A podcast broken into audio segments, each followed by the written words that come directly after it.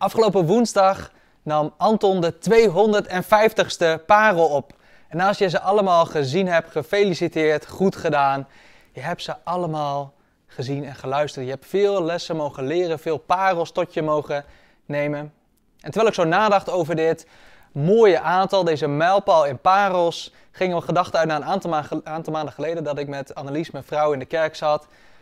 En dat zij tegen mij zei, als we nou eens alles wat we in de afgelopen 30, 40 jaar gehoord hebben, al die preken, week in, week uit, als we dat nou eens gewoon zouden toepassen, hadden we de rest van ons leven gewoon geen preken meer nodig. Dan zou ons zoveel tijd schelen en zouden we zoveel meer kunnen investeren in de maatschappij.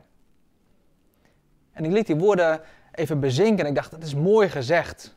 Als we alles wat we geleerd zouden hebben, als we dat in praktijk zouden brengen, wat zou dat mooi zijn. En tegelijk denk ik, ja, het is ook goed om ja, te herhalen. Dingen opnieuw tot ons door te laten dringen, opnieuw te laten vormen, opnieuw ook de Heilige Geest verfrissend te laten spreken door het woord heen. En ik wil met jullie een mooie tekst induiken vandaag. En het is een van de teksten die we op mijn werk vaak gebruiken. Ik werk bij Next Move, een christelijke stichting die sport gebruikt om kerk en jongeren te verbinden.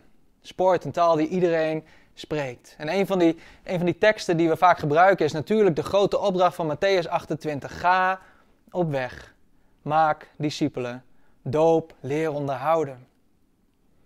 Maar een andere tekst die we vaak gebruiken is de tekst in 1 Korinthe 9, vers 24, waar Paulus spreekt over de hardloper, de wedloop. Er staat, weet u dan niet dat zij die in de renbaan lopen, alle wel lopen, maar dat slechts één de prijs ontvangt. Loop dan zo dat u die ontvangt. Het is een mooie metafoor dat Paulus gebruikt, de hardloper die de wedloop loopt. En hij gebruikt het niet voor niks, want hij schrijft deze brief aan de gemeente in Korinthe. En deze gemeente in Korinthe, ja, die was heel erg bekend met sport. Eén keer in de twee jaar waren daar die grote Ismische Spelen. De ene grootste spelen ter wereld in hun stad Korinthe. Dus als Paulus hier zo schrijft over, over hardlopen en rennen als die atleet die de wedloop wil winnen, dan automatisch gaan die gedachten van de Corinthiërs uit naar dat ene moment. één keer in de twee jaar, die hardloopwedstrijd. Er kan maar één winnen. En als jij die wedstrijd wil winnen, ja, dan kun je er misschien nog wel in die wedstrijd komen door je misschien een beetje handig te manoeuvreren. Door, uh, door mensen om te kopen, door je politieke status te gebruiken, door je erin uh, te manoeuvreren of door vals te spelen. Maar tijdens die spelen, ja, moest je gewoon er klaar voor zijn. En je kon je misschien wel meedoen aan die race door je erin te frutselen. Maar als je echt wilde winnen, dan moest je er klaar voor zijn. Je moest geprepareerd zijn, je moest getraind hebben, je moest fit zijn, je moest conditie hebben. En je moet jarenlang, jaar in, jaar uit aan je techniek hebben gewerkt, zodat je optimale snelheid had voor dat ene moment. Moest niet geblesseerd raken, niet afhaken. En anders kon je het wel vergeten. Anders was er iemand anders die meer geschikt was dan jij om die ene prijs te winnen. En de derde tekst die we vaak gebruiken, daar wil ik graag even met jullie bij stilstaan. Het is een tekst, 2 Timotheus 2, vers 2. Daar staat, geef wat je in aanwezigheid van velen hebt gehoord, door aan betrouwbare mensen, die geschikt zijn om anderen te onderwijzen. Geef door wat je van mij hebt gehoord. En ik wil we even die metafoor van het hardlopen blijven hangen. Want als je van hardlopen iets weet, dan, dan weet je eigenlijk al heel snel dat er verschillende disciplines zijn. Je hebt de 100 meter, 200 meter, 400 meter en ga zo maar door. Dus het kan heel goed zijn dat je heel snel bent op de 100 meter, maar als je een marathon moet lopen van 42 kilometer, ja, dat je dat gewoon niet geschikt voor bent, dat jij niet die prijs gaat winnen. En een van de disciplines waar Paulus hier aan zou kunnen refereren, is de estafette. De estafette bestaat uit vier personen die dezelfde afstand gaan lopen tegen een ander viertal. En wat ze dan doen, is dat ze een stokje moeten doorgeven. En dan kan je nog zo snel zijn als je, uh, kan de snelste persoon ter wereld zijn. Maar als je team niet goed genoeg is, ja, dan kun je het wel vergeten om die wedstrijd te winnen. Je moet erop letten dat je het stokje aan de juiste personen doorgeeft. Het kan ook zijn dat je op volle snelheid bent en die ander klaar staat om dat stokje te ontvangen en je dat stokje zo in de hand van de ander legt, maar dat die ander net te vroeg of te laat zijn hand dichtknijpt om het stokje aan te pakken en dat het stokje op de grond valt. Einde race. Het kan ook zijn dat je te vroeg of te laat het stokje doorgeeft, door de, je team gedisqualificeerd wordt. Het kan ook zijn dat je zelf ten val komt of dat de ander tot val komt en je niet de race wint. Er zijn vele manieren tijdens een estafette waarop je de race niet wint. Paulus die schrijft hier zijn laatste brief, de tweede brief aan Timotheus, schrijft hij enkele dagen, weken voordat hij sterft onder keizer Nero.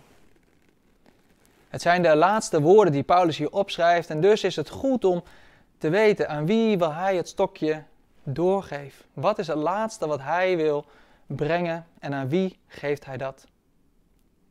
En de brief verraadt natuurlijk al aan wie dat is, aan Timotheus, zijn geliefde zoon in Christus, Timotheus.